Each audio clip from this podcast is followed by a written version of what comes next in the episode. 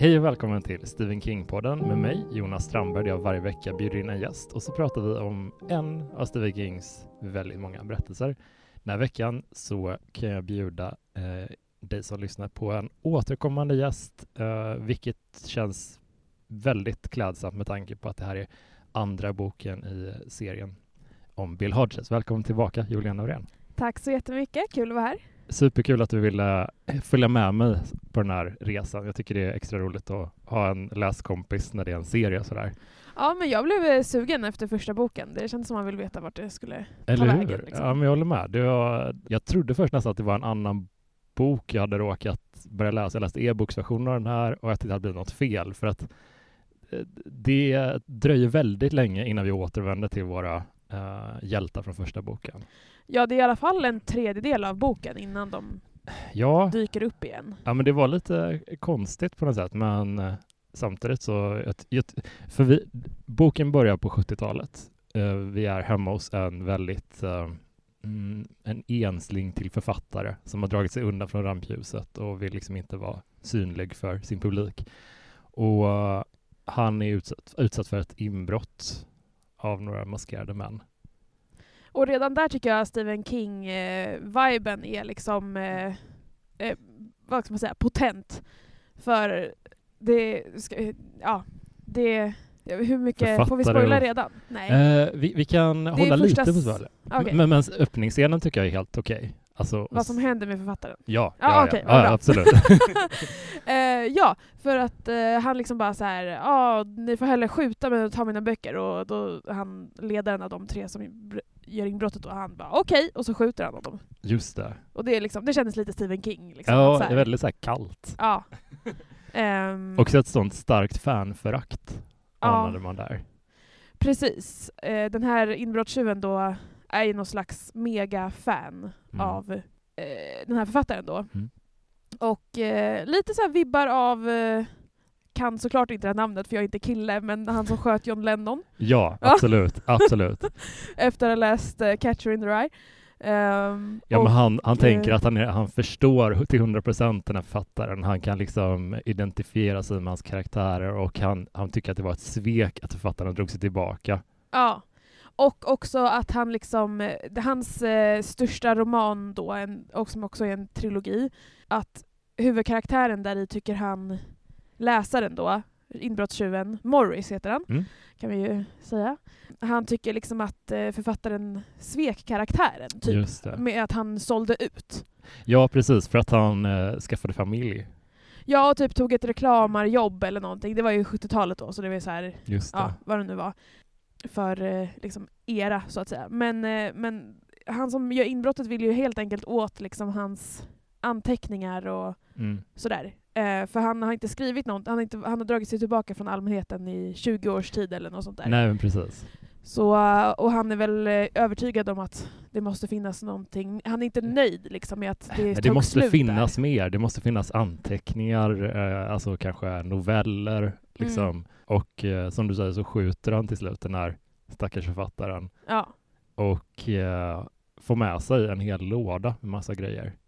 exakt. Så det är ju jättemånga anteckningsböcker och en del pengar, inte jättemycket pengar. Mm, mm. Typ, vad var det, 20 000 dollar något sånt där? Ja men typ. Eh, Lite, lite Alltså mer hemma hos en jätterik författare. Ja. Liksom. Men i cash liksom. Mm. Eh, och sen så, det här tillhör väl samma scen så det är väl inte jättespoiler heller. Nej. Men han skjuter ju sina kumpaner också. Ja. och bara lämnar dem i skogen. Alltså med någon rastplats. Just det. Ja. Det Eh, kändes så konstigt där för att eh, på ett sätt så Eller han fick- körde över den. Ja, inte men precis. Alltså, det kändes lite som att han bara, Stephen King bara, okej fuck, jag hade introducerat för många inbrottstjuvar, inte orkade gå tillbaka och, och reducera antalet typ. Nej, lite så och bara, nu måste vi döda dem. Nej men det, det störde jag mig inte så mycket på. Det var liksom, man fick ändå känslan att han var väldigt illojal och kallblodig liksom. Exakt, han var liksom väldigt besatt av den här romanfiguren och brydde sig liksom inte om någonting annat. Det var bara liksom, alltså det var inte vänner till honom liksom. Nej, han var, behövde bara dem för att göra det här uppdraget. Ja, typ. Eh, exakt. Men det är kul, han är ju lite som här manlig, eh, vad heter hon, Annie Wilkes från Misery. Ja, precis. Att- Jag har, jag har inte läst den boken, jag vet vad den Mm. handlar om i stora drag och jag tänkte direkt på den att så här, det är någon slags eh, han har återanvänt lite av konceptet liksom. Ja, men Ehm, verkligen. Eh, mm. Men sen hoppar vi fram i tiden lite. Ja, det är ju Eh, dubbelt tidsperspektiv ett tag va? Ja, precis. De parallellkör två stories. Eh, 77, 78 tror jag kanske. Och 2010. Vi följer en ung pojke. Hans pappa blev, eh, han blev väldigt skadad i Me- Mercedes-attacken från första boken. Mm. Så där började jag känna att okej, skönt. Nu är är vi tillbaka rätt i bok i världen. alla fall. Nej, men jag gillar att man kan lägga pusslet tidsmässigt och bara okej, det, det, är en- det är klart att det har gjort efterskalv liksom. Det, är inte, det dödade inte bara människor, men det har också påverkat folks liv, även om de inte... Precis, han var- hade ju väldigt ont och sjukhusräkningar och allt sånt där och eh, familjen går väl liksom lite på knäna. Mm. Så. Eh, och så är det en tonårspojke då, han har en yngre syster som är väl typ 13, 14 Mm. och eh, ja, allting är ganska dåligt liksom i familjen där. Just det. Men det är mycket så här, föräldrarna bråkar väldigt mycket och han, de berättar som, alltså att eh, barnen hör ju när de bråkar och ur, när man liksom, historien som berättas ur pojkens perspektiv, eh, Peter, tror jag han heter? Pete. Pete, ja. Ja. Eh, Eller han, Peter kanske, men de säger Pete tror jag. Ja, men det gör han. Men han, han liksom säger liksom att hon, han har aldrig, pappa har aldrig slagit mamma, men han har ändå, det snurrar ändå i huvudet liksom, Ja, det är- att det det kanske väg kommer åt- hända typ. ja, på väg åt fel håll. liksom. Ja, och en dag så hittar han eh, en, en nedgrävd låda och eh, med jättemycket pengar i och Mm. jättemycket ja, anteckningsböcker. Mm. Och det är helt enkelt för att han, ha, familjen bor i den här inbrottstjuvens gamla, hus. Just det. För att han eh, blev så... Okej, ska vi ta det från början då? då? Jag känner att förra gången hoppade vi runt väldigt mycket i Ja, kronologin. ja, vi gör det. Jag kör en snabb eh, repris där då. Han gick till sin kompis som han är någon slags, eh, har någon slags litteraturintresse som han delar med och som säljer och köper antika böcker och Just det. så Andy unika böcker. Halliday.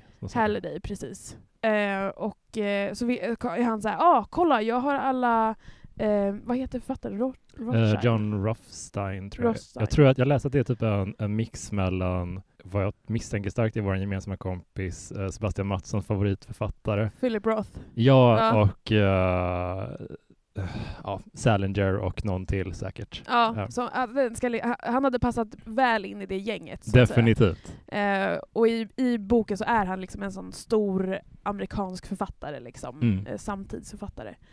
Eh, men han i alla fall kommer till sin kompis och är asnöjd och har alla de här anteckningsböckerna och bara Vi är rika, vi Mm. har fortsättningen på Det här, eh, Jimmy Gold. Ja, Eh, och hans liksom, kompis då blir helt förskräckt. Mm. Han bara, men har du dödat honom din du kommer inte kunna sälja de här psykopat?" manusen, eller du kommer inte, de här anteckningarna. Det, det kommer vara stulet Ja. material. Du kommer inte kunna använda det här. Ja.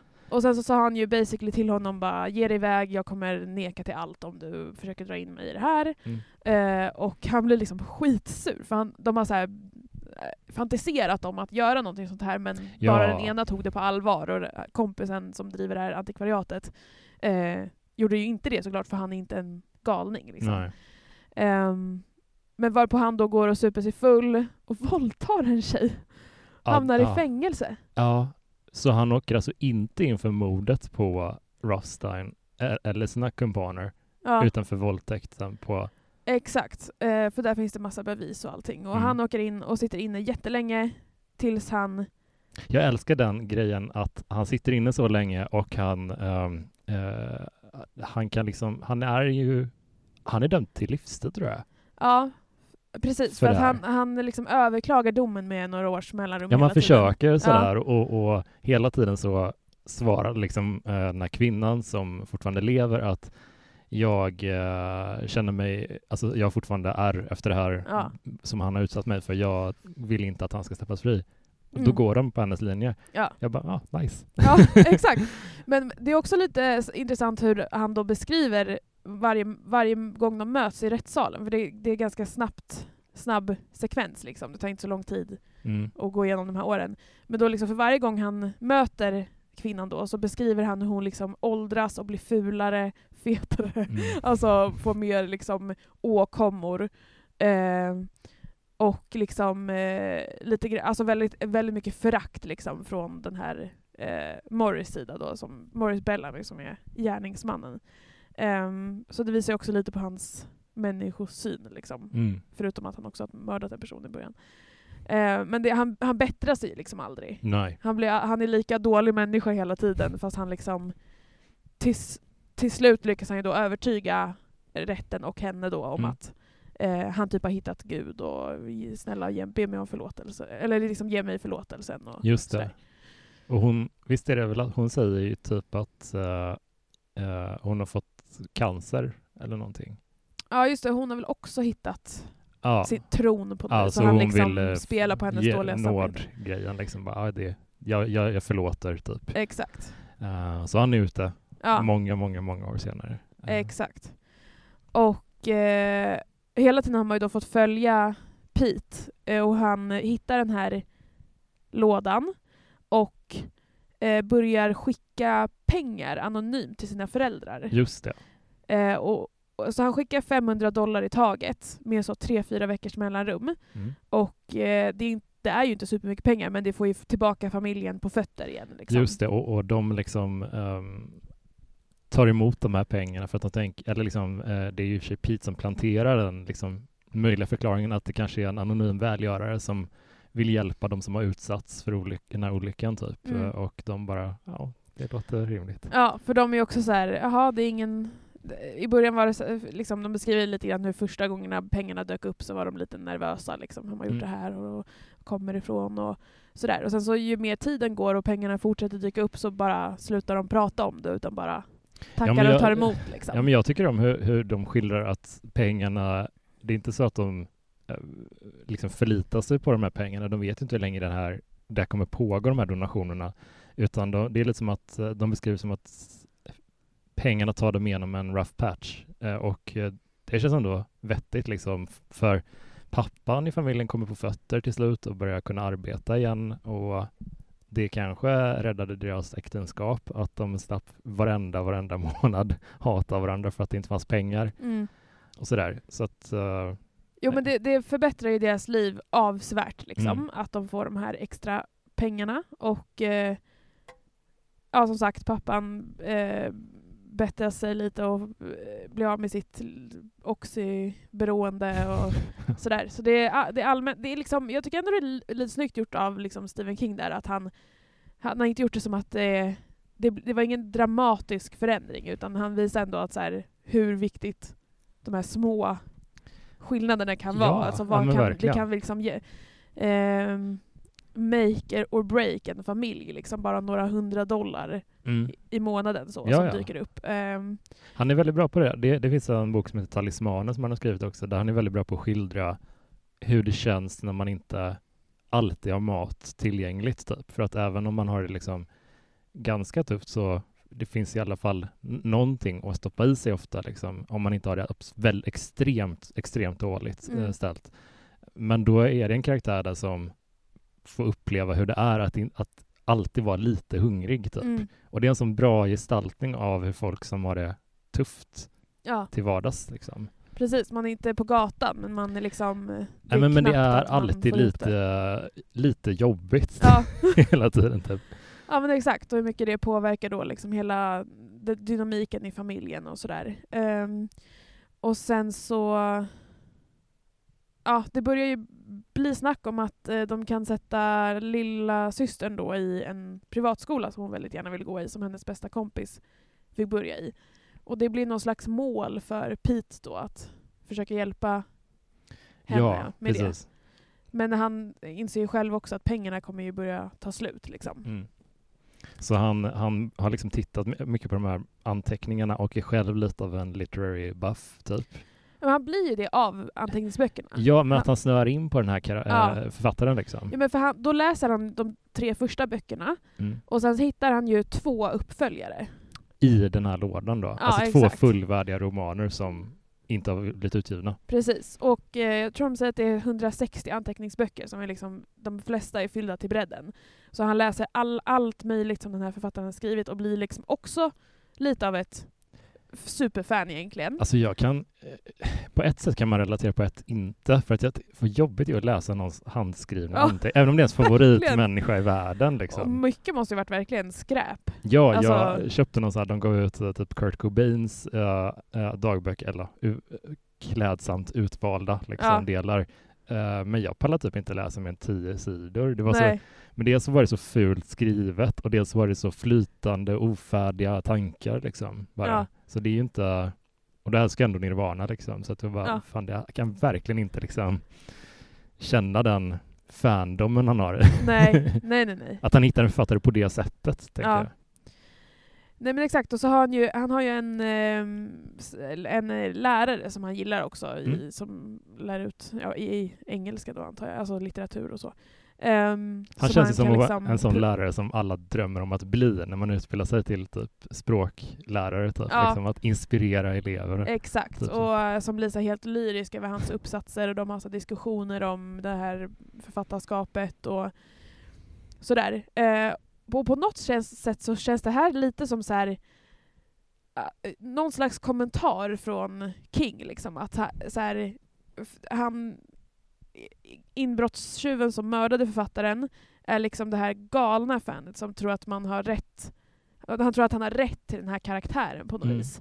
Um, medans Pete då ska re- representera det här hängivna, eh, det, det är liksom ehm, Ja, har lite... ultimata fanet. Alltså som Ja, älskar litteraturen och han vill bara ha mer. Liksom. Och han har åsikter om vilken riktning Jimmy Gold gick i, så han tycker också att det var lite sellout att han mm. jo- gjorde, blev reklamare, Mm. ja, huvudkaraktären då. Eh, och sen så tycker han att det är bra, för då fick han upprättelse sen i, i den här det. opublicerade uppföljaren. Mm. Eh, han liksom, eh, kommer inte ihåg, men sålde av sin reklambyrå eller vad det nu kunde vara och typ Bara gav bort pengarna och ja, drog sig undan. eh, sådär som säkert många har drömt om att göra en gång eller tycker att andra ska göra. Eh, så som jag tänker att eh, John Lennons mördare tänkte att John Lennon borde göra. Alltså men verkligen, jag tycker det intressanta med, med de två är typ hur Pete och eh, Morris, inbrottstjuven, skiljer sig mest åt i sin approach. Det är att Pete får liksom möjlighet, liksom, han är ändå mottaglig för att ha en diskussion kring böckerna ja, eh, och eh, alltså karaktärerna och sådär och hans eh, Rothsteins författarskap. De kan liksom, för han, hans lärare utmanar hans åsikter, Ja. men på ett hälsosamt sätt så att de kan liksom vända och vrida på det lite. Det har liksom inte Morris vi får senare liksom djupdyka lite i hans bakgrund och uppväxt, typ att hans mamma var verkligen jättenedlåtande kring vad han valde att läsa ja, och bara tryckte ner honom och liksom bjöd aldrig in till något samtal riktigt. nej just det. Nej men exakt, för han, och hans, hans får ju verkligen ett genuint intresse och liksom en kärlek till böcker som jag tror har kanske smittat av sig också från Stephen King själv. För att han, han är ju författare men han läser väl antagligen också. Alltså han gillar ju jag tror han läser litteratur. Liksom. asmycket. Ja. Ehm, så att han liksom på något vis har lite grann så här, eh, hällt, hällt i, ö, ut allt det här från sitt inre liksom, i den här karaktären, den här unga killen då som blir inspirerad. Och jag tror att han, det är säkert för sådana personer som han, Stephen King skriver väldigt mycket. Men ja, verkligen. Han känns väldigt så här kärleksfullt uh, gestaltad, Ja. tycker jag.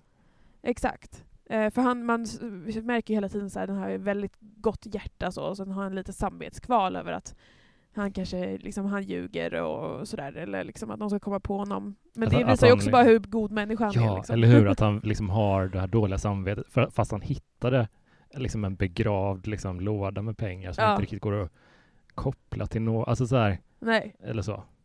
nej men precis. Ehm, men sen då så tar ju pengarna sl- slut. Ja. Ehm, och han eh, vill jätte, jättegärna hjälpa sin syster att gå på den här privatskolan. Och då så... Han börjar väl fråga då sin lärare. Mm. Ehm, han bara, "Ja, jag har en första utgåva med, som är signerad av den här Jimmy Gold-boken då. Just det. Ehm, det har han ju inte, utan han har ju anteckningsböcker, men det kan jag ju inte tala om. Liksom. Mm.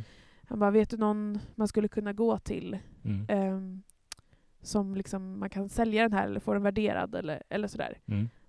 Och läraren är ju först såhär, vill du verkligen det? Du, Jag jag vet hur mycket du tycker om den Jag här. behåll den. Ja, exakt. Men han var så här, jo, jo, men det... Mitt intresse, det bleknar ju i ljuset av, så här, jag kanske kan hjälpa min familj. Ehm, och då nämner han ju den här Halliwell. Just det, som ett avskräckande exempel. Gå Precis. inte till honom för han har försökt sälja stulet material Ja. och kom undan med en hårsmån. Typ. Han har väldigt dåligt rykte i branschen. Eh, och... Eh, liksom, eh, när man får hans perspektiv lite grann så han är ju lite så bitter över att liksom, han, har, han, han är inte inkl- inbjuden ordentligt i branschen men folk kommer ändå till honom om de har någonting som är lite sketchy liksom, Mm. och inte vill gå till någon, någon som är mer seriös. Mm. Eh, så han har ju sin business men den kanske inte är liksom, han är ju inte framgångsrik Nej, så, och nej. inte liksom, han är inte rik på något sätt eller så, utan det är väl mer bara att han klarar sig liksom. Ehm, men då börjar ju problemen. Ja, jag tänker att eh, det är ett bra läge att spoilermarkera för att det är ungefär här någonstans som vi äntligen får hoppa tillbaka till Bill Hodges Ja. och eh, company. Eh, och då kände jag bara yes, äntligen. Ja. Exakt, liten brasklapp från min sida. Mm. Eh, jag kommer klaga en del. ja, ja, men jätteroligt. Kul. Så. kul. Men ja, kanske spoilergränsen där då. Ja, skitbra. Ja, men det jag tänkte under hela den jag läste den här var liksom hur, eh, hur det kändes, i alla fall första, ja, men, första halvan ungefär, hur, hur mycket det kändes som att eh, plot pointsen planterades ut så här, liksom spelpjäserna flyttades på, på, på schackbrädet liksom. Ja, Här, är de, först den grejen som händer och sen så den här karaktären och den här. Alltså, det, alltså hur alla skeenden liksom, man väntade lite på att allting skulle kopplas ihop på något sätt. ja men, och, och att det skulle... Jag tycker att det, den var lite för seg, bara allmänt. Ah, alltså okej. ut, utan, eh, utan eh, omskrivningar. Liksom. Att, nej, här, nej, jag fattar. Ehm, som du sa, det spenderas väldigt mycket tid på att här, eh, sätta upp spelpjäserna. Liksom. Mm. Men sen så, de, de rörde sig aldrig. Ja, Det, som, det tog jättelång tid för honom att komma på att han skulle gå till något antikvariat med de här anteckningsböckerna som Mm. man bara har Hittills har han bara liksom suttit och läst Mm. hela, hela boken igenom och, det, och då gick det liksom flera år. Mm. Och då kan man ju säga, okej, då kan man sprida ut det lite mer. Men sen så går det liksom lika lång tid i boken, fast bara över några dagar. Mm. Och det är där jag tycker att det börjar bli Ja, men jag Ett fattar. problem. Jag, fatt, jag, jag fattar nog hur du menar. Och jag tänker också att om man förväntar sig en direkt uppföljare till Mr. Mercedes, det är inte... Det är lite det man får, men det är också väldigt mycket andra grejer. Alltså Ja. det är inte... Det är inte en ren, ett renodlat mysterium som ska lösas. Nej, för att vi har, vi har ingen, ingen har börjat lösa någonting än. Det är Nej. ingen som utreder mordet på Nej. eh, Rothstein, det är ingen som utreder eh, eh, de här anteckningsböckerna, ingen utreder vart pengarna kommer ifrån, Nej. än. Mm. Utan vi får bara veta allting som händer. Bara, vi kan, när han börjar förhandla då med den här eh, antikvariatsnubben, Ja. Halliwell. Precis. Pete kommer dit med några av anteckningsböckerna. Han vill liksom inte spela ut alla sina kort än Ja, riktigt. exakt. Han har till och med kop- kopia med sig tror jag, Just så det. att han liksom får se handstilen och så, men han har inte riktiga. Eh, och då börjar han, den här skojaren, direkt utpressa honom. Liksom. Ja. Han vill bara ha alla böckerna, han vill ha allt för sig själv. Och han säger till eh, Pete att han kanske kan få 30 000 dollar och sen så tänker han själv så här, jag kanske kan få 50 miljoner Mm. om man sprider ut det här och är lite taktisk med att sälja till samlare och så vidare. Eh, och det här att de försvann när han blev mördad är det ingen som verkar vara jätte eh, bekymrad över. De är bara så här, ja, ingen kan ju säga att han inte gav bort dem innan han dog. Ja, Alltså- ja, men jag tänkte, det, det, tänkte jag ändå vara så här, ja men det har gått 30 år ungefär liksom ef- efter det här mordet. Det, det är väl inte så här, ja det var ju ganska mystiskt att han, han blev mördad i och för sig. Det var ju ingen som grep, greps för det eller någonting. Nej. Så det borde vara lite suspekt men ja, Ja absolut, men jag det, tänker ändå att så här, det, var, det var lite så här förbi eh, hastat kanske. ja men, ja, men tänk så här som samlare liksom, eh, har, samlar du på någonting? Har du någon sån gen i dig? Ja, jag samlar på allt. Allting du kommer över. ja. Men alltså, är inte en liten grej att man ändå vill kunna visa upp sina alltså, finaste objekt liksom? ja, exakt. Och då... Det kan man inte göra om man har ett stul, stulet liksom, Nej. material hemma. Det kan man inte visa upp för någon. För att om det är någon som är minsta litteratur, det kommer snacket kommer ju bara gå. Gud ja. Men jag tänker det måste ju finnas någon slags marknad. Det fin- det, för, nu vet inte jag, inte jag så insyn i den här br- branschen, men det finns väl en marknad för liksom stulen konst och sådär. Jag tänker Ja. att folk bara låser in dem då i ett källarvalv. Liksom, Att det bara är för en själv liksom. Så har man dem där och så vet man att det är någon slags, Gud vad deppigt. slags eh, driv att bara äga saker. Alltså, det, är nog, det är nog inget friskt driv skulle jag tro. Nej okej. Eh, men att bara för, ja, uppenbarligen så har han ju, den här författaren väckt mycket känslor liksom, så det kanske Mm. finns fler då som Just det. vill att betala för Ja. materialet. Nej, och sen men- så, Dyrgripen är ju såklart då de här två böckerna. Just det. Och enligt Pete då så är det framförallt den här sista boken som är liksom, det här är ett amerikanskt epos liksom. Som knyter ihop hela säcken Ja. och sådär. Ehm, som, eh, den jämförs ju med Grapes of Wrath, så jag Mm. tror definitivt Steinbeck är nog en av Just det, Eh, han är ju säkert också... Ja, Rothstein. så det kom jag på nu när vi tänkte, jag tänkte tillbaka på det. Men ja, i alla fall. Så, och då börjar ju Pete, det börjar någon slags förhandling då, men Pete är ju ändå, han blir ju rädd och sådär, man Mm. märker han är ju bara en tonåring, men han, han viker sig ju inte liksom. Nej. Han, dock så mår han ju väldigt, väldigt dåligt. Ja, han, han, han gör ett, ett riktigt fattigt försök att förklä sig när han kommer till eh, Andy Halloways antikvariat första gången. Han har sparat ut en liten mustasch Ja, och eh, har glasögon tror jag. ja, Det är så här, verkligen som en, ett, ett barn som försöker att se vuxen ut. väldigt basic. eh, och sen så det kommenteras sen liksom efteråt av hans omgivning, så här, att han blir smalare, han får tillbaka sin akne, han, den här konstiga mustaschen. Mm. Det är, så alla, så här, hans familj typ ser att han mår dåligt så. Och lärare. Ehm, så det här går ändå ett tag. Mm. Jag vet inte hur lång period, men eh, till slut så ska han liksom på någon slags skolresa först. Mm. Och sen bestämmer de på måndag ska vi, då ska vi liksom förhandla. Mm. Och han skulle ha med sig en anteckningsbok. Jag kommer inte ihåg exakt hur det skulle det. vara. Men det, det var, då har vi liksom en tidsram här. Helgen ska gå och sen så måndagen. Och det är väl typ här som Morris kommer ut. Ja, han blir fri, frigiven. Ja, Och börjar liksom direkt, såklart, han har liksom tillbringat över 30 år i fängelse. Han vet att det finns en skatt begravd som jag liksom kommer leva gott på Ja. när jag kommer få, få tillbaka den. Han märker dock att eh, lådan är borta. ja, exakt. Och här börjar ett problem som, jag, som ko- återkommer sen i boken för mig. Mm, mm. Eh, det är att liksom här, hans jakt på den här lådan och upptäckten att den är tom Mm. är väldigt så utförligt beskriven.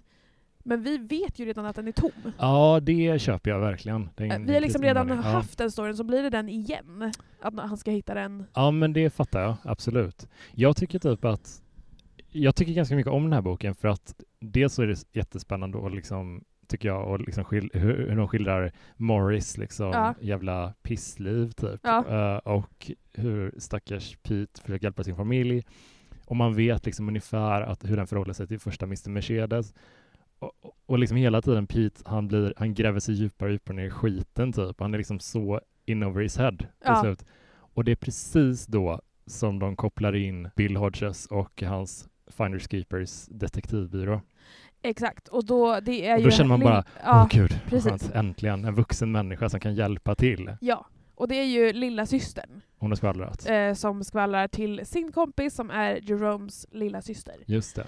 Och Jerome då som är en av dem i den här trion som Mm. räddar alla i det första men boken. alltså, Bills entré igen, jag tycker så mycket om den. Han har liksom inte beväpnat sig tyngre, han har liksom inte justerat sig. Alltså han, han är Nej. precis samma, han har den där märkliga strumpan med kulor i liksom ja, den är hans eh, weapon of choice. Liksom. Ja, Ja, vi får, det tycker jag är kul, att vi får eh, träffa honom igen medan han är ute på liksom ett annat uppdrag Ja. och fångar en bedragare. just det. Eh, och gör det på ett väldigt så här, kul sätt, så där han får liksom triumfera över den här bedragaren. Han liksom typ kapar hans privatjet och sådär. Alltså det, Mm. det är kul. Inte, inte från luften, utan på marken. That's some cruise eh, move. Exakt.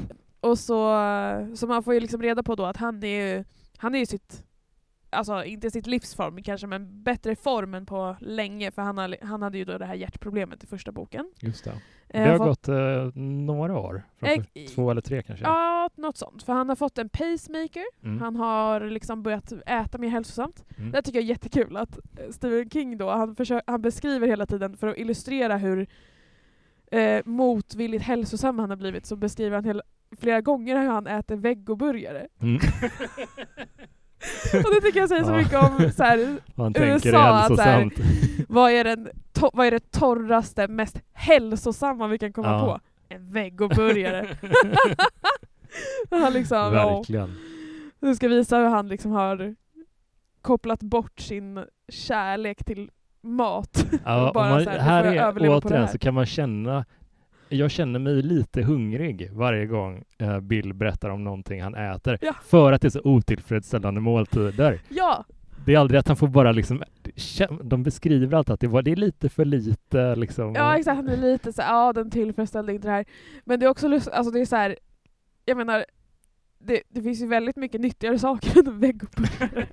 Du kan lika gärna ta en vanlig. Alltså, ja, ja. Det är som, man bara, ja okej.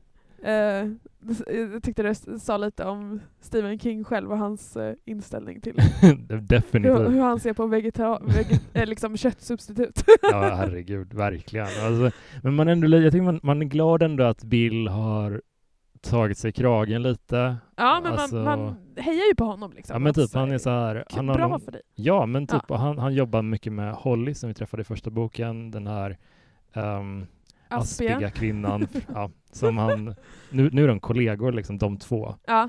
Uh, Jerome är inte liksom, Han går på Harvard. ja precis. Och hon jobbar ju åt honom och är liksom någon slags eh, dataanalytiker-person liksom, Mm. som han kan bolla grejer med och hon är väldigt intelligent och sådär. Mm. Så det gillar man ju också, att hon har gjort också framsteg. Hon är duktigare på att prata med folk och sådär. Mm. Eh, hon var väldigt neurotisk i första boken. Just det. Ja, så de eh, pratar helt enkelt med Petes syster Tina. Mm. Och här, det här, här börjar ett problem som håller i sig ett tag för min del, som jag liksom hängde upp mig på. Och det är att de börjar liksom utreda var pengarna kommer ifrån och sådär. Och Just de det. börjar utreda liksom allting, vad som har hänt de senaste åren.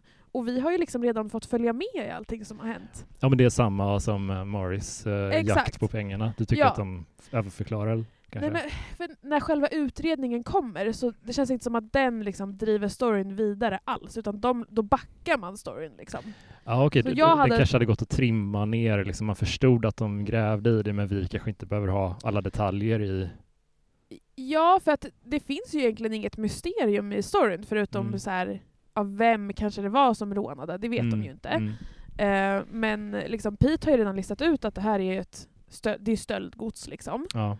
Så vi vet ju väldigt mycket om själva brottet. Även om inte de vet det, men de, de, de utreder ju inte författarens mord. Nej. Ehm, och eh, och det, tänk, det kommer liksom inte riktigt på tal förrän ganska långt efter. Och då är det som en liten bisats bara. Ja, ah, just det, det var ju en författare som blev mördad här för ett tag sedan. Mm, mm. Ehm, så jag, menar, jag, jag hade lite svårt för det här att liksom, de ska tillbaka och liksom, de, de kommer liksom på allting Mm. exakt som det var. Mm. och, och Det enda som händer då är att de är lite steget efter Pete, som är en tonårskille. Och de kan egentligen inte göra någonting för honom. De kan inte hjälpa honom då eller liksom... Alltså jag fattar, ja.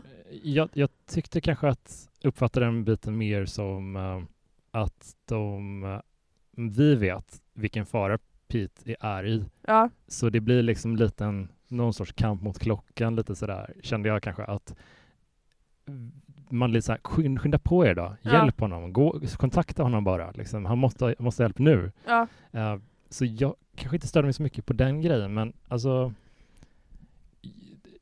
överlag tyckte jag om den här boken, men den kändes väldigt mycket som en sådär, jag vet inte, det var inte ett helt nödvändigt kapitel i Bill Hodges liv kanske.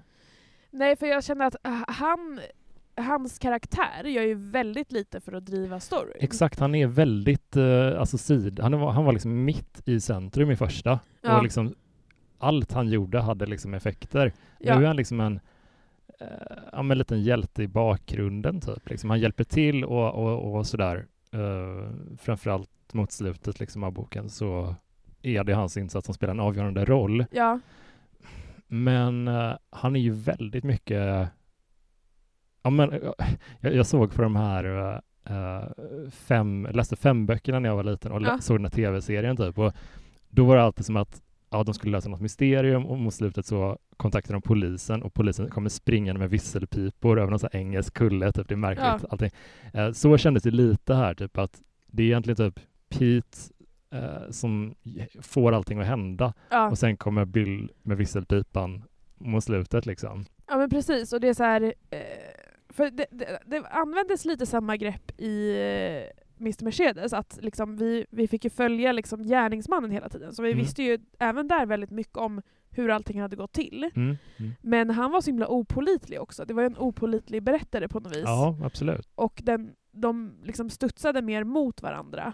Eh, vilket ju, jag tyckte byggde upp mycket mer av en liksom, spänning liksom, i dynamiken. Mm. Här var, det väl, här var det verkligen så att de kom inte in i boken först liksom jättelångt in. Nej. Och så, då måste de liksom komma ikapp medan vi som läsare då, vi visste ju. Alltså, Ja, men jag, jag köper verkligen frustrationen du, Ja. alltså jag ser på dig. Liksom. Så jag fattar verkligen där. Eh, jag tror jag var ganska, alltså jag, tyck, jag var så imponerad mer av det tekniska, ja, eh, i, i alla fall första halvan typ, liksom, Ja. hur allting planterades ut och sen hur dominobrickorna bara börjar rulla, liksom Mm. vältas mot varandra. Men, mm, men det är ju lite, jag kan tänka mig typ att, att den skrevs för att han, på, på det här sättet för att han inte ville upprepa sig själv kanske. Att det är återigen ett mysterium som han får i knät som han ska lösa och att det är samma formel som i Mr Mercedes. För den är liksom, det hade lika gärna kunnat vara en fristående ja roman på ett sätt. lite så. Eh, för då...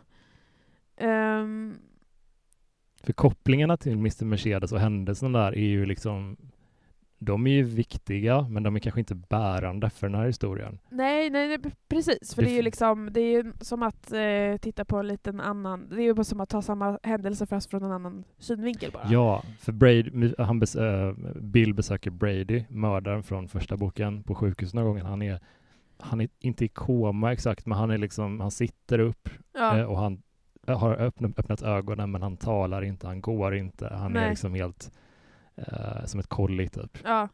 Och det kommer också in väldigt sent. Det är liksom Mm. ingen så här del i, i historien utan så här, plötsligt så nämner någon bara så här, ja han brukar hälsa på Brady. Här är en konstig grej tycker jag. Alltså de har liksom en, en massmördare Ja, som eh, alla vet att det var han, det finns inga tvivel om någonting. nej, Han har legat i koma, nu är han vaken igen. ja. Men de har inte en watch på honom. Nej, han är bara på vanlig typ... eh, Alltså en helt vanlig Rehab, avdelning. ja. Hur fan kan det vara liksom? Alltså jag fattar kanske, men alltså de kan inte avvara poliser dygnet runt kanske, men de kanske borde ha en avskild säkerhetsavdelning för honom eller Ja. någonting.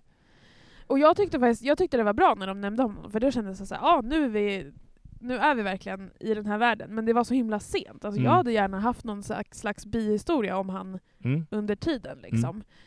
Och jag tycker också att han var en bättre skurk liksom, Mm. än den här eh, Morris. För Morris var bara... 100%.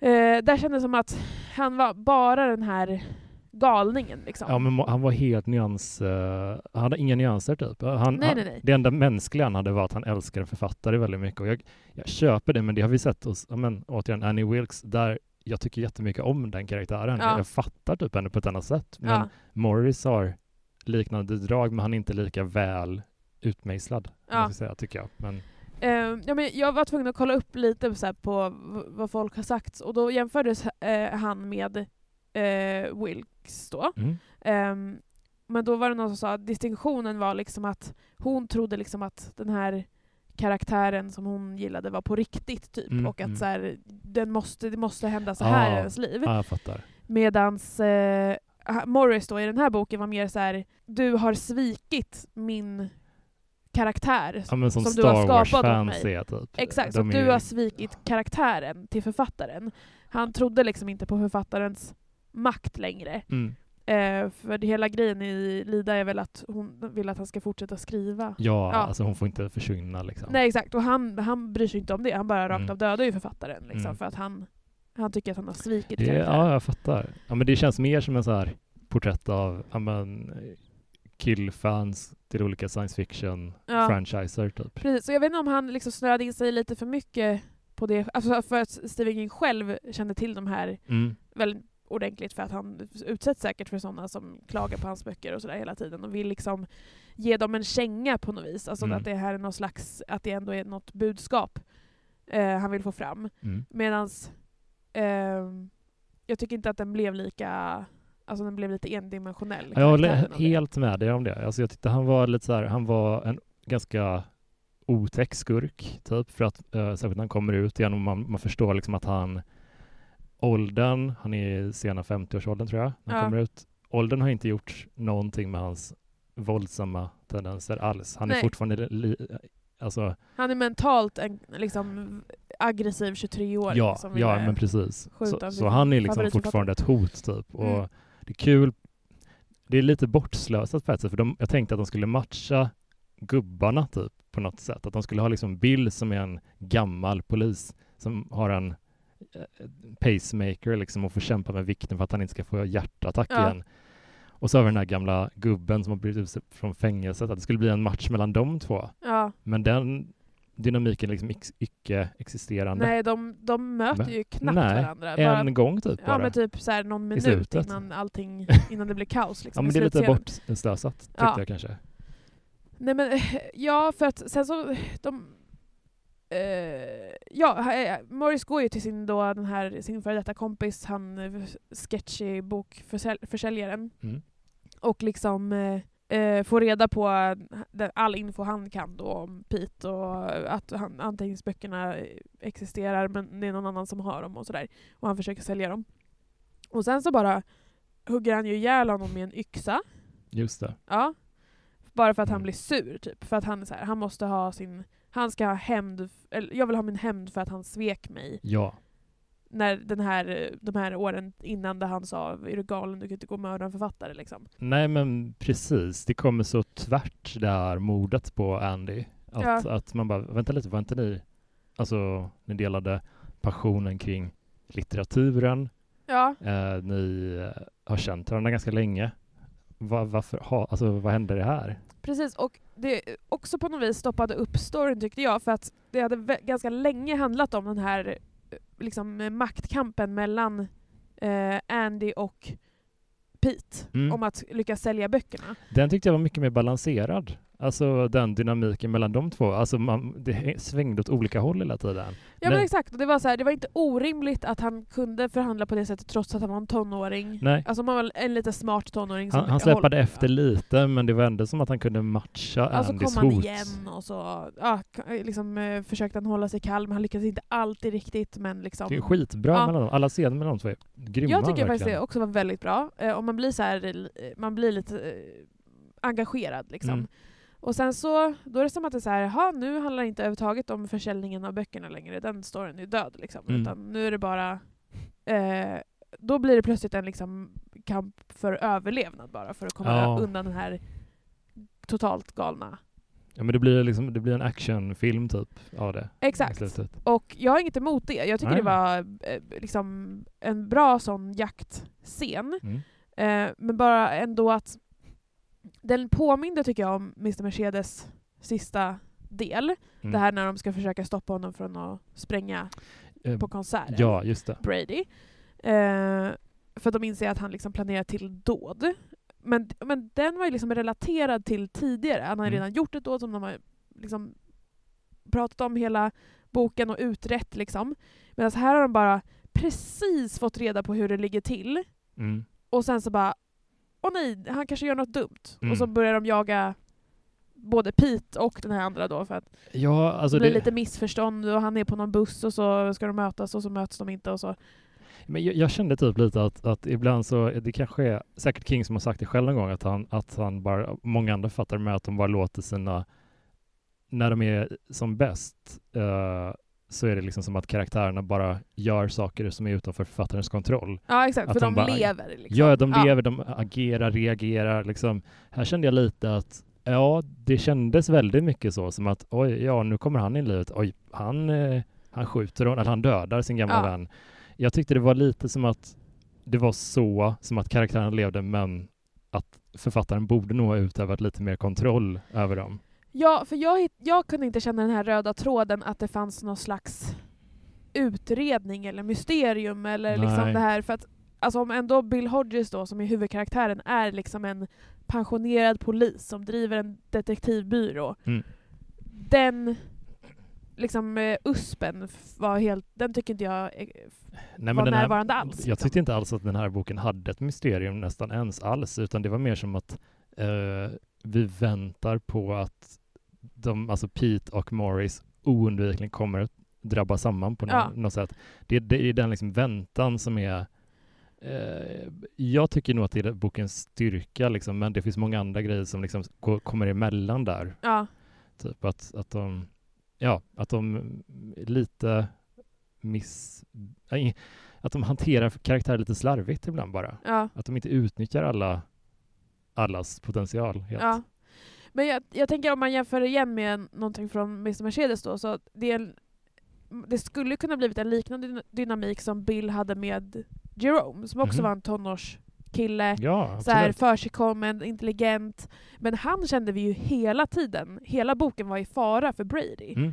För Brady hatade ju honom Hans och hans familj. och han hatade hans hund. Mm. Han försökte döda hunden men Mm. sen så, kom det, så råkade han döda sin mamma istället. Alltså det, var, Mm. eh, och det tyckte jag var eh, liksom en... Eh, men, men Bill och Pete har ju ingen relation Nej. i boken alls. Nej, ingen alls. Eh, utan det är bara så här, ah, ja, Bill här, försöker ju lite. Alltså, Exakt, men det är också väldigt sent som de träffas första gången. Han pratar ju med honom utanför skolan då och Pete liksom undviker honom. Ehm, det värsta känner jag väl lite är att ehm, jag läste en lite kritik om den här boken, att det känns väldigt mycket som ett mittenkapitel i Ja. en trilogi. Och, så jag kanske snor den här spaningen lite därifrån nu, men jag kände lite att vi kommer hit, vi, jag har liksom inte tjuvkikat på vad den tredje boken kommer handla om, så jag vet inte. Gud vad Nej. skönt, vi håller Nej. oss så. jag, vill, jag vill eh, bara... Jag läser Tänk inte att ingen har spoilat för oss. Alltså, ja, det är faktiskt sjukt. Ja, jättesnällt. Ja. Eh, men jag känner liksom att Pete kommer inte återkomma i den tredje delen. Morris kommer knappt nämnas tror jag. Jag vet inte det här, det är bara gissningar. Ja. Det känns jättemycket som att Pete kommer inte ha någonting med trean skeendet att göra där. Nej, jag har också den- svårt att se vad, liksom, vad det här skulle leda fram till. Ja, För det, det känns så avslutat på något vis. Jag vet inte om vi ska dra slutscenen. det kan vi göra. Ehm, I alla fall, eh, Morris åker hem då till Petes hus där hans mamma och syster befinner sig. Skjuter Ja, mamman. Skjuter mamman bara rakt av, lite som han gjorde med författaren också. Eh, och sin gamla kompis då, fast det var med en yxa, men eh, i huvudet. Mm. Så man tror ju direkt att hon dör. Mm. Men sen så, hon dör inte. Nej, Men- de beskriver till och med hur liksom det flyger någonting från huvudet Ja, mot här, väggen. Typ. Ja, Man tänker det är så här skallen som bara pang. exakt. Så det är lite gore här med sättet han mördar folk på. Eller vill mörda. Ja, försöker. Ehm, och sen så tar han ju då Tina, eh, lilla systern som är 14, tror jag. Ehm, och eh, jag vet inte hur de listar ut att den finns på den här. Han har gömt böckerna på ungdomsgård, någon Ja, nedlagd ungdomsgård. Han känner ju till ung ungdomsgården, att den existerar. Liksom. Han, jag tror han tänker bara, jag drar, eh, jag tar med mig eh, Petes syster till den här liksom, platsen Ja. och så får Pete komma hit när han har böckerna så vi kan göra en trade-off typ. Exakt, och det tycker jag också är så här. Böckerna var ju där. Det känns han som också ju- konstig sammanfattning. Ja, han visste ju inte det, att- Nej, nej exakt, men det är det jag tycker är konstigt. Varför Ja. skulle han bara gå dit? Han Ja, kunde vänta i huset. av alla liksom. ställen liksom som...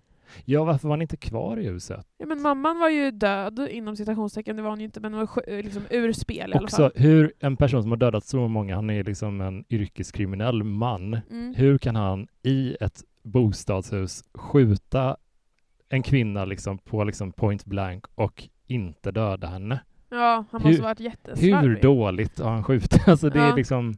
De, eh, han har ju tydligen en liten fjantig pistol, säger de ju. Men Ja, det kanske, det borde inte spela någon roll. Nej. Ja. Men alltså, ja, det är, det är ett märkligt sammanträffande. Det känns som att de måste flytta bort uh, Morris från huset för, för Bill och eh, Holly och dem, de kommer komma dit ganska snart. Ja, Det vet ju inte han. Nej, han vet inte det. utan det är Jag- mer för att de inte ska drabba Sanna för, för tidigt. Min känsla är att Stephen King vill ha den här sammandrabbningen där anteckningsböckerna finns. Mm. Och eh, därför så bara, ja de får gå till det här huset. Mm. jag tycker det kändes lite... Ja, random. alltså för det, jag kan absolut vara ganska förlåtande kring vissa så här happenstances, men jag tyckte att det här, när, när du säger det, jag kommer inte på en vettig anledning till att, de, till att han skulle åka dit. Nej, för Det kanske ingen, nämns, visst, men ingen jag, visste att böckerna nej, var där. det kan, liksom. han kanske hade någon förklaring, men det kändes lite för mycket av en tillfällighet kanske. Ja. Men eh, Hur som Mm. helst så kommer då Pete hem till slut. Han ska möta upp Bill och de där men han, orkar, han väntar inte för han blir för nervös och så åker han hem. Eh, han har ju sagt till syrran och mamman att gå in och låsa och, och sådär och inte öppna för någon, men det är för sent liksom, så han har ju kommit in i huset redan. Um, hittar sin mamma, ringer ambulansen. Uh, och men får ju för mycket panik då och måste springa Mm. iväg efter uh, Tina. Hon lyckas säga att han tog nyckeln till ungdomsgården eller något sånt där. Just det. Uh, för hans... Jag vet inte varför hade de den. Pappan hade jobbat där eller någonting. Ja, ja men det fanns ändå någon rimlighet. Ja, alltså. Petes koppling till ungdomsgården fanns ändå liksom Ja. en förklaring typ. Ja men exakt. Och eh, ja, det var ju ett bra gömställe liksom. För det var inte huset, det var inget hus som används och så vidare. Ehm, men så gick han dit och man kommer dit liksom bakvägen så man, han gick liksom förbi stället där koff, den här lådan är gömd. Mm. Eh, och sen så ungdomsgården. Eh, och då är ju Morris där, han har Tina, han har, hon har skadat sig, hon har stukat foten eller något sånt där så hon kan inte gå och han håller på och hotar henne hela tiden och är jättetaskig. Så Nej, jävla men han är, han är så här hårdhänt och bryr sig verkligen inte ja, om henne. Liksom. Absolut. Han vill bara ha anteckningsböckerna. Mm. Och då har ju Pete tänkt till lite grann så han har ju hämtat tändvätska och en tändare. Mm. Och eh, det blir någon slags eh, showdown liksom. Just det. Över, över de här böckerna då. Mm. Och det, jag hade faktiskt inte tänkt tanken alls att så här, jag hade tänkt tanken så här, ah, sen, så, sen löser allt det här sig och Mm. eh, böckerna blir publicerade typ. Mm. Ehm, och sen så bara, ja, men han tar en tändare. Vad fan, kommer de brinna upp? Alltså, jag börjar så här, men har de gjort allt det här och så ska han elda Ah. upp böckerna? Jag bara, hoppas fan inte det händer. Nej. Nej. ja, det, det hände ju tyvärr. ja. Eh, Men jag trodde att de skulle göra en sån riktig... Ja, men det, det finns någonting när de... Eh, Okej, jag trodde att de skulle göra en fint mot slutet, typ att, att Bill bara skulle... Eller någon, eller kanske Pete bara, ah, det var inte de riktiga böckerna, de är, de är säkert förvarade här. ja. Att det skulle vara en sån riktig... Att det, det, sådana grejer gör de ju ibland, den här Ja. typen av när det är något värdefullt och så här. Men jag tycker alltid, alltid det är udden av offret, eller alltså som, som han Ja, har gjort, fake, uppoffringen. liksom. Ja. Ja. Ehm, ja men precis, för det som händer är ju att eh, Pete inser hur mycket, alltså att det enda han bryr sig om är de här böckerna. ja. Och då liksom börjar han ju psyka honom, Just alltså det. Morris. Ehm, att släppa hans syster då, det är det han bryr sig om i första hand, mer än böckerna. Ehm, så han börjar verkligen psyka Morris om liksom, eh, vad som händer i böckerna och vad, vad han aldrig kommer få läsa för någonting. Mm. Eh, för att han kommer sätta eld på dem nu. Mm. Och då är Morris såhär, ja ja men om du sätter eld på dem så kommer jag ändå döda din syster. Så det, det är lite dödläge liksom. Mm, mm. Och sen... Är det Bill som dyker upp sen? Först? Ja, ja precis. För det, det som händer då är att de här andra stövlar in liksom. Morris blir distraherad, börjar skjuta ner för trappen och Pete tappar tändaren. Alltså ja, han tappar tändaren Han- på bokbålet. Exakt. Liksom. Eh, Och ja, det flammar ju upp. Ja. Hans syster är fastbunden bredvid, så det, här är, det är ganska intensiv scen. ja. Ehm, Det är här lite märkligt, alltså i i actionfilmer så här klyschan att de är någon överdriven lagerlokal. Alltså det är ju lite så fast i en liten källare. Det känns som att allting är så trångt här. Exakt, och så här, ja, jag ser någon gammal så här, eh, typ eh, kursgård framför mig, så här, Mm. någon vi- trävilla eller något sådär som är ganska brännbar. Eh, och eh, ja, det börjar ju bli liksom kaos och övertänt och allting såklart och böckerna de beskriver så här, synen av hur de bara trrr, så här, Mm. Ja, fan alltså. smular det... sönder liksom och blir till aska. Och det, Morris blir helt gal, alltså han tappar ju fullständigt och börjar liksom gräva i elden Mm. och för att rädda böcker och börjar ju brinna själv och sådär. Mm. Men bryr sig inte, han är bara helt psykotisk på något vis. Jag kan eh, verkligen relatera till den där ångesten att fan att de eldar upp dem nu Ja. när vi har jagat dem här. Men jag, jag fick en sån flashback typ till eh, jag har verkligen varit en samlare. Jag är så här som en nykter alkoholist fast med sam... Alltså Ja. jag måste så här, får inte röra så här. Eh, men, men jag hade en period där jag samlade jättemycket på typ så här, eh, ja, serietidningar, på vinylskivor, du vet allt Ja. möjligt skit liksom. Och så när jag flyttade upp till Stockholm, då hade jag liksom inget jobb. Eh, det gick skitdåligt med standupen. Uh, för jag så himla... Alltså, så, här, så jag bara, jag måste få pengar. Ja. Eh, så då sålde jag typ hela min vinylsamling. Alltså inte, inte, men det kanske är så här du vet, att jag Ja. åkte in till en vinylbutik på, vid Hornstull och bara sålde ja, men 15 åt gången Ja. och kunde betala hyra, hyran Oj! några månader. Sådär. Ja, Så till slut så hade jag ja, men kanske en handfull av en liksom, ursprungligen jättestor samling. Men jag tyckte det var typ väldigt skönt efter ett tag. Även när jag började liksom kunna tjäna pengar igen och ja, försörja mig så tyckte jag det var lite skönt att ha, ha skalat bort det från sig. ja, För att, eh, jag menar att, ja, men så här, återigen, kontroll över beroendet-grejen. ja. Och så kände jag lite grann när han eldade upp. Ja, för insatsen var ju hela tiden de här anteckningsböckerna Ja, och den bara... Jag tyckte det var lite så här, Adderades att, ju. ja det här är bara, det här är bara ett objekt, ni är fixerade vid det här objektet liksom. Men jag tycker det var lite synd att inte Pete gjorde det på eget initiativ bara. Jag hade tyckt det var intressantare om han som person bara, han, han tappade ju tändaren som du sa. Ja, Jag hade kanske Exakt, föredragit han om han hade kastat den på den bara och, och frivilligt. Eller ja typ för det, det var ju inte det som räddade situationen. Nej, Eh, det det, var ett det, Bill ledde ju till att. Morris blev ihjälbränd och sådär, men det ledde ju till en svårare situation för alla andra, för de var ju tvungna att knyta loss eh, syrran som var fastknuten i ett Ja. element med massa sladdar som de inte kunde klippa det. av. Fan. Och det blev liksom väldigt så, nu måste de ju överleva själva då, för huset brinner. Ja, Eh, så det ställde ju nästan till det mer än vad det, ja. vad det löste problemet. Ehm, men eh, okej, en kompromiss då med Ja, det här, ja. nej det var bara fake. Ja. Om man bara hade lagt de två kompletta böckerna på ett annat ställe. Ja, okej, du, du saknar Så ändå... av 160 anteckningsböcker så hade det Ja. kunnat varit, det, kan, det kanske täck, de kanske täckte fler än en bok, eh, men att han hade då de här fem som innehöll uppföljarna. bara de är kvar liksom. Bara de är ja, kvar. det hade känts okej ändå. Ja. Det. Men då hade det varit såhär, okej vi tappade, det det är ändå, man förstår ändå, det är mycket material, många år av liksom texter och sånt i, av 155 anteckningsböcker. mm. Men vi har de, de viktigaste är kvar. Mm.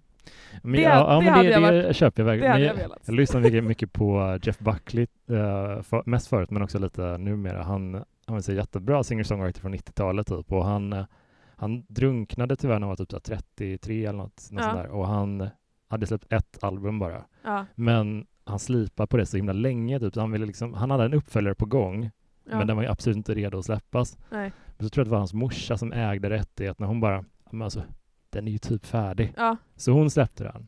Eh, och det, man är lite kluven för att hon vet att han hade inte velat göra det. nej. Men det är också 15 nya Jeff Buckley-låtar. Så att du vet, man är lite både och på något sätt. Ja, men precis. Eh, och man får aldrig, det får, vet man ju aldrig vad planen var för. Nej. Han kanske tänkte släppa de här innan han dog eller något sånt. Mm, eller mm. så, författaren. Eh, nu hann han ju dö lite plötsligt innan det.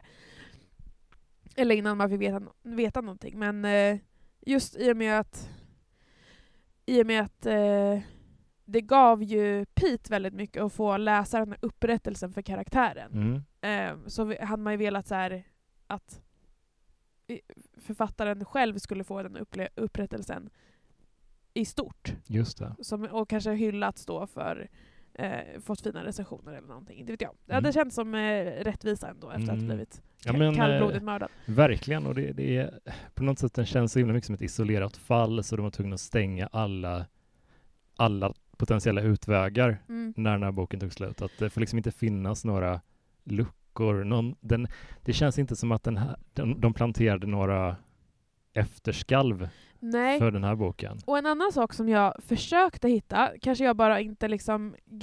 eh, Det känns som att det kan vara att jag, det är jag som inte greppar. Men liksom, jag vet inte om du upplevde det, fanns det någon liksom symbolik med det här? Att den här författarens anteckningar försvann eh, och det var lite slumpartat. Liksom, Fanns det Ja. någonting som ville sägas med det? För det känns som att Stephen skulle kunna vilja säga någonting. Ja, nej jag är inte alls, eh, jag tänkte också jättemycket på det liksom och bara vände och vred lite på varför, varför lät de inte Pete ta initiativet själv? Det hade gjort så mycket med hans eh, känsla av att, att, att han coming of age kanske, Ja. att han, han, han, han gör det rätta valet och sådär.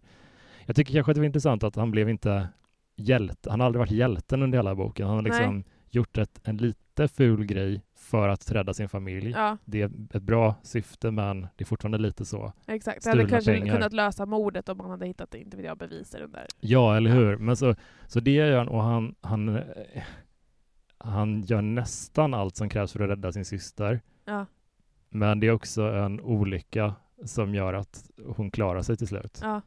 Så att det är inte, han är inte den där perfekta hjälten riktigt. Det, det kanske jag tycker om ändå på ett sätt, för han är ju bara liksom 16-17 år eller någonting. Ja, ja men precis. Okej, en teori då som jag kom på nu, Mm. som, eh, den kanske är övertydlig, men finns det någonting som ligger bakom i att så här, okej, om du är ett dåligt fan, Mhm. det vill säga för engagerad, du kommer med krav på hur karaktären ska vara, du tror att du kan liksom, du tror att du äger den här karaktären lika mycket som en författare gör. Då kommer allt sluta liksom i mordbrand och elände. Och du kommer sitta som Ja. en kolbit på marken. Medan är du ett bra fan som uppskattar litteraturen, men i slutet av dagen kan du släppa det och förstå det här, är- det här är inte personligt mot mig Mm, mm. då kommer du överleva. allting allting ja, men löser det, sig. Du har nog verkligen poäng i det tror jag. Alltså, det känns alltså, på något sätt att eh, Petes alltså, så här, lite halvt utvecklade relation till litteratur, det är ju typ att han, den berikar hans liv, men den är inte centrum i hans liv, utan den liksom färglägger allting. Och han, eh, ja, han mycket av hans funderingar och sådär, han är ju inte lika fixerad vid de här objekten. Han var ju liksom, han var ju beredd att sälja det för, för, för något annat. Liksom. Ja, men- Även om man älskar den författaren. Men precis, att han på något vis lever i verkligheten. Liksom. Ja, att, men eller eh, hur? Ja, det viktigaste är att, att familjen mår bra och sen, ja det är jättekul att ha en passion och... eh, Ja, men det, det är någonting med den här ob- objektfixeringen typ. Vid, Ja. Alltså att man ska ha, ha liksom en, en, en, jätte, en jättefin bok hemma, typ, som är en samlarutgåva eller någonting, Ja. som man inte vågar röra typ. Jag kan liksom inte, Nej. alltså det är så, jag, Nej, exakt. jag Vad är fattar ju då det på poängen, ett plan, liksom? men det känns så lite, Är det en du. fin, lit, eller en fin kulturdiss Det kanske Stephen det King? är. Alltså, ja, det är väl inte omöjligt. Att så här, eh, för att, eh, jag menar, för författaren som han skapade då, karaktären, är Mm. ju definitivt mer av en fin kulturförfattare Mm. än vad han själv har liksom rykte om sig att vara. Hans, Mm. Han i branschen är ju känd som en ibland kvalitet före, nej kvantitet före kvalitet. Mm. Eh, Medan den här, de, alla de här författarna som Steinbeck är, eh, nej, Eh, Rothstein. Rothstein, byggd på, eh, är ju de här hyllade, Mm. liksom upphöjda. Och Verkligen. att eh, Stephen King är ju yngre än alla de här då, men han, han kanske han kanske inte uppskattar att man gör skillnad. Men det kanske är någonting i hur man försöker göra, försöker förhöja någonting till någonting det inte är från början. Liksom. För att de ändå, de, du har ju verkligen rätt i att han är extremt hyllad författare, men när de beskriver hans böcker så här 30 år efter hans död, eh, Rothstein, så det är liksom action, alltså de här eh, Jimmy Gold-böckerna, det är ju så actionböcker, det är som Ja, Tom Clancy Ja, typ. Liksom. precis. Så det är inte så här världens mest... Så jag tänker liksom att när de försöker göra någonting till så här kult, liksom hö- förhöja någonting som Mm. bara är, ja men det, det är bara, det är pocketböcker. Det Ja. är liksom, sluta. Ja, Alltså, precis. att det är någon, någon sorts reaktion kanske, bara. Ja. ja, men att han försöker vara så här. eh, I slutändan så är det liksom underhållning vi håller Ja, på med här. exakt. Liksom. Ja. Eh, ta det inte på för stort allvar. Nej, eh, och den verkligen. har kommentarerna här förut i Lida och liksom andra, Ja, i ja. andra former. Liksom. 100%. Ehm, jag har lite så här pet peeve också med författare som skriver om skrivande och författare. För jag tycker ibland så känns det som att författarna gör det när de har slut på material från det riktiga livet. Mhm. Och de, de är så mycket författare så att det enda de kan skriva om är författare. För Ah, jag fattar. Jag det är fattar. så de lever. Ja, och ja. Eh, jag tycker också det är väldigt vanligt att man läser om så här. Det, det, finns väl, det finns ju många människor i verkligheten också, men det är vanligt i böcker med folk som liksom älskar litteratur eller Mm. älsk, liksom har någon slags relation till en bokhandel eller sådär. Ja. Ehm, att, Jag, jag började läsa en, en bok, vi kan ta den efter för det känns taskigt. Och men eh, det, är inte, det är inte Sebastians bok. Nej. men eh, det är en, en ganska hyllad bok som jag började läsa som är väldigt fixerad vid litteratur och, och kultur och, och är väldigt kärleksfullt inställd till det. ja. Jag har försökt läsa den här typ tre gånger men aldrig Är den väldigt tjock? jättetjock. Ja, ja. Kanske vet jag Det är många som tycker om den, så att det, den författaren klarar sig bra ändå, men det, Ja. jag, det, jag kände där var det verkligen peak kultur. Ja men romantiserande Ja. av liksom litteratur, läsande, sådär. Eh, så på sätt och vis kanske det var lite en diss mot det. Mm. Men han använde samtidigt det själv ja, i, för att faktiskt. få fram poängen. Men vad, vad tycker du om sättet de ankrar den här till Mr Mercedes och då vad det verkar uppföljaren End of Watch? Eh, Tyvärr tycker jag det känns svagt alltså. Ja, Jag tycker att det kändes väldigt inkastat. Alltså bara i en konversation mellan Jerome och Holly bara Ja, är Bill fortfarande besöker Brady? Och det har man inte hört Mm, någonting om. Nej. Och Det är väldigt speciellt. Alltså, jag köper typ att han ändå vill hålla ett öga på honom för det verkar inte som någon jävel annan, annan i övrigt håller koll på Brady. nej, Men att han verkar ha utvecklat någon sorts telekinetiska förmågor. Ja exakt. Mm. Det får man ju liksom reda på på allra sista liksom, sidan. Ja. Eh, och ehm, Jag kände väl lite att, okej jag fattar om han verkligen vill introducera det i den här serien så det f- då, kanske då kan man göra det är verkligen, Så. och, och det smögs ju verkligen in liksom väldigt sådär urs, inte urs, men det var väldigt diskret alltså. Det var liksom ingenting i första Mr Mercedes som antydde att han skulle ha någon sån typ av Nej, förmåga. alltså hela grejen med den här karaktären Brady som gjorde honom också intressant var ju att han kunde manipulera folk. mm, Han manipulerade ju den som ägde Mercedesen att ta livet av sig. Mm. Och han försökte manipulera Bill att ta livet av sig. Det funkade ju inte då.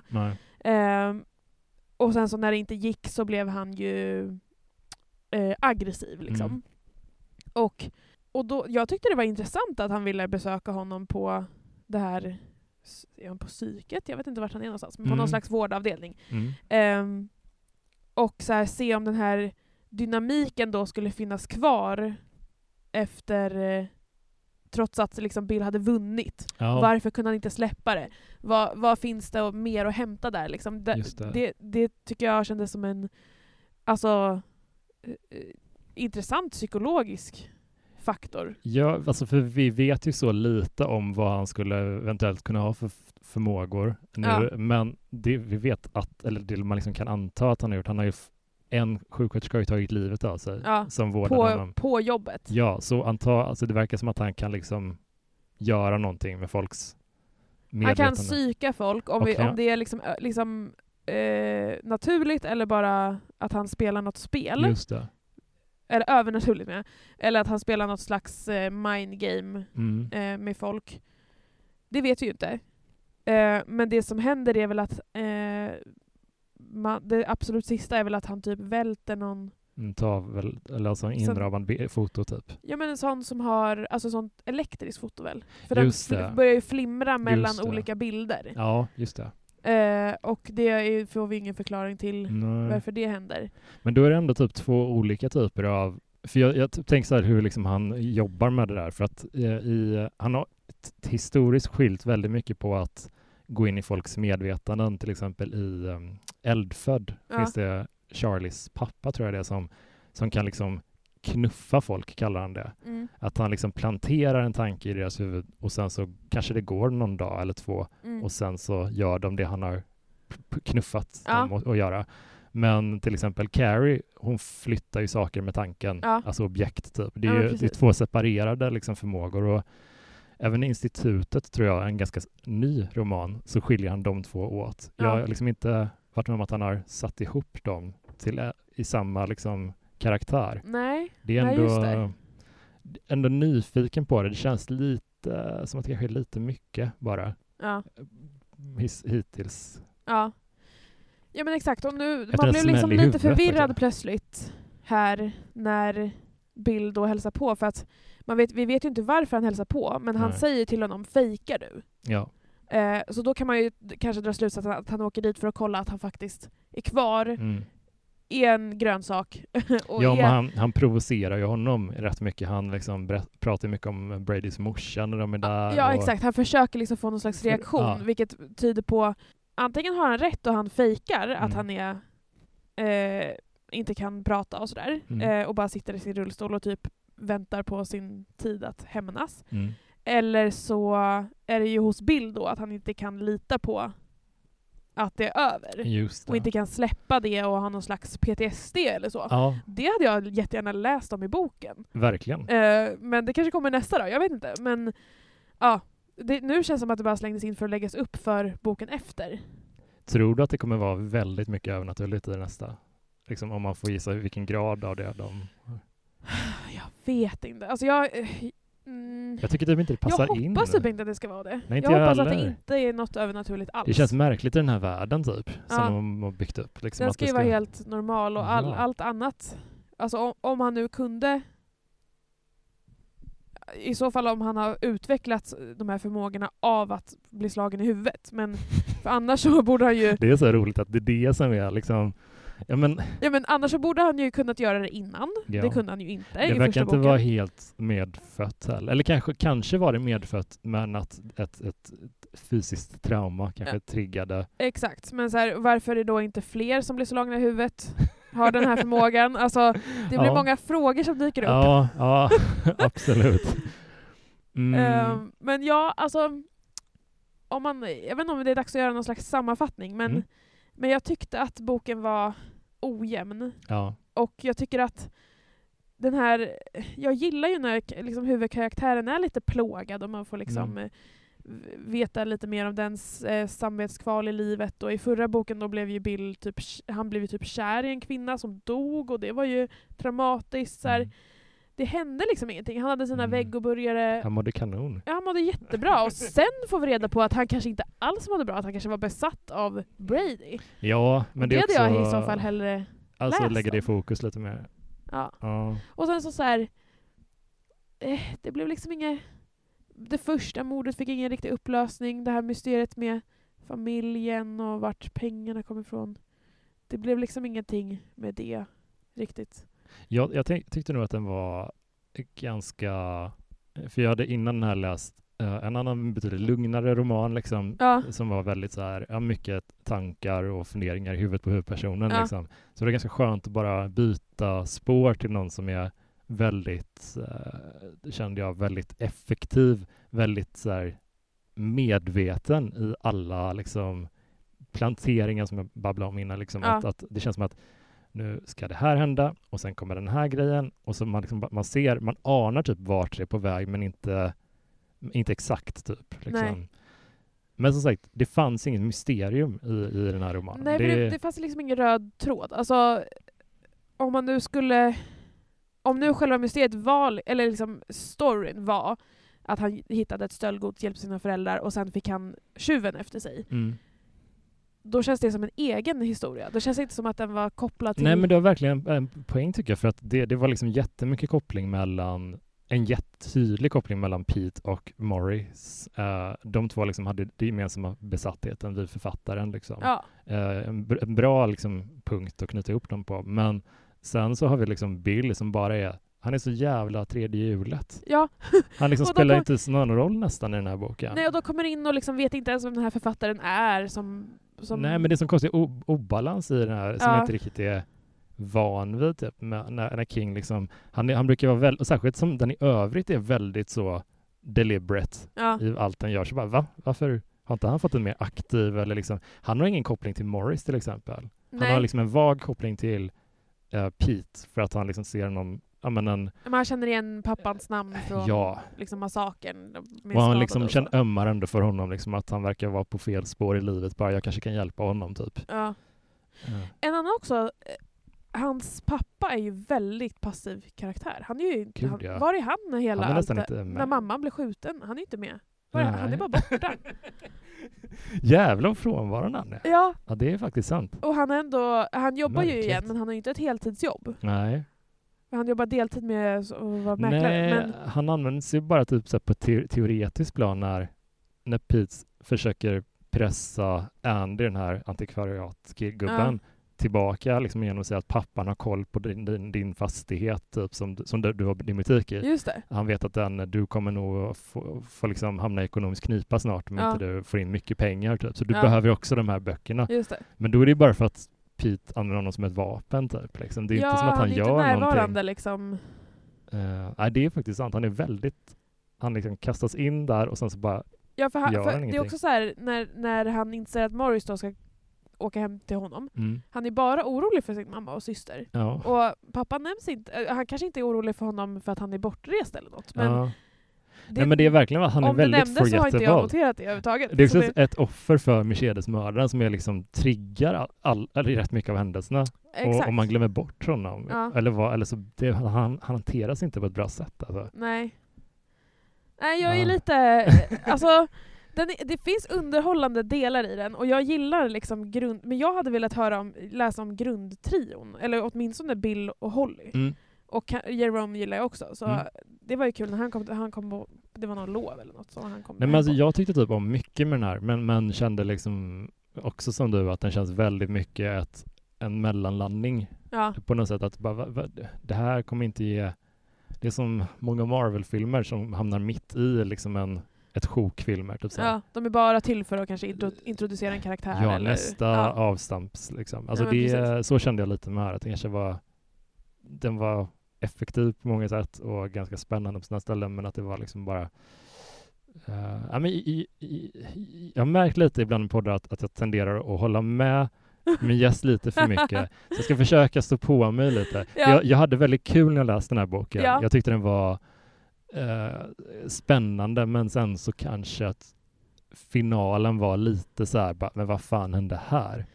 Ja, Och jag För- förväntade mig mer av Bills inblandning, att han skulle vara mycket mer aktiv och att han skulle ha liksom känna till den här brottslingen, kanske, kanske kunna komma med någon eh, spännande bakgrundsinfo om honom så att, som kunde hjälpa dem framåt. Typ. Ja men exakt, för det enda spännande som, kom, som hände honom var ju den här, det här caset som vi stötte på honom i, Ja, som inte hade med handlingen att göra. Det var ju Nej. bara för att illustrera att han vad gör han nu jobbade för och- tiden?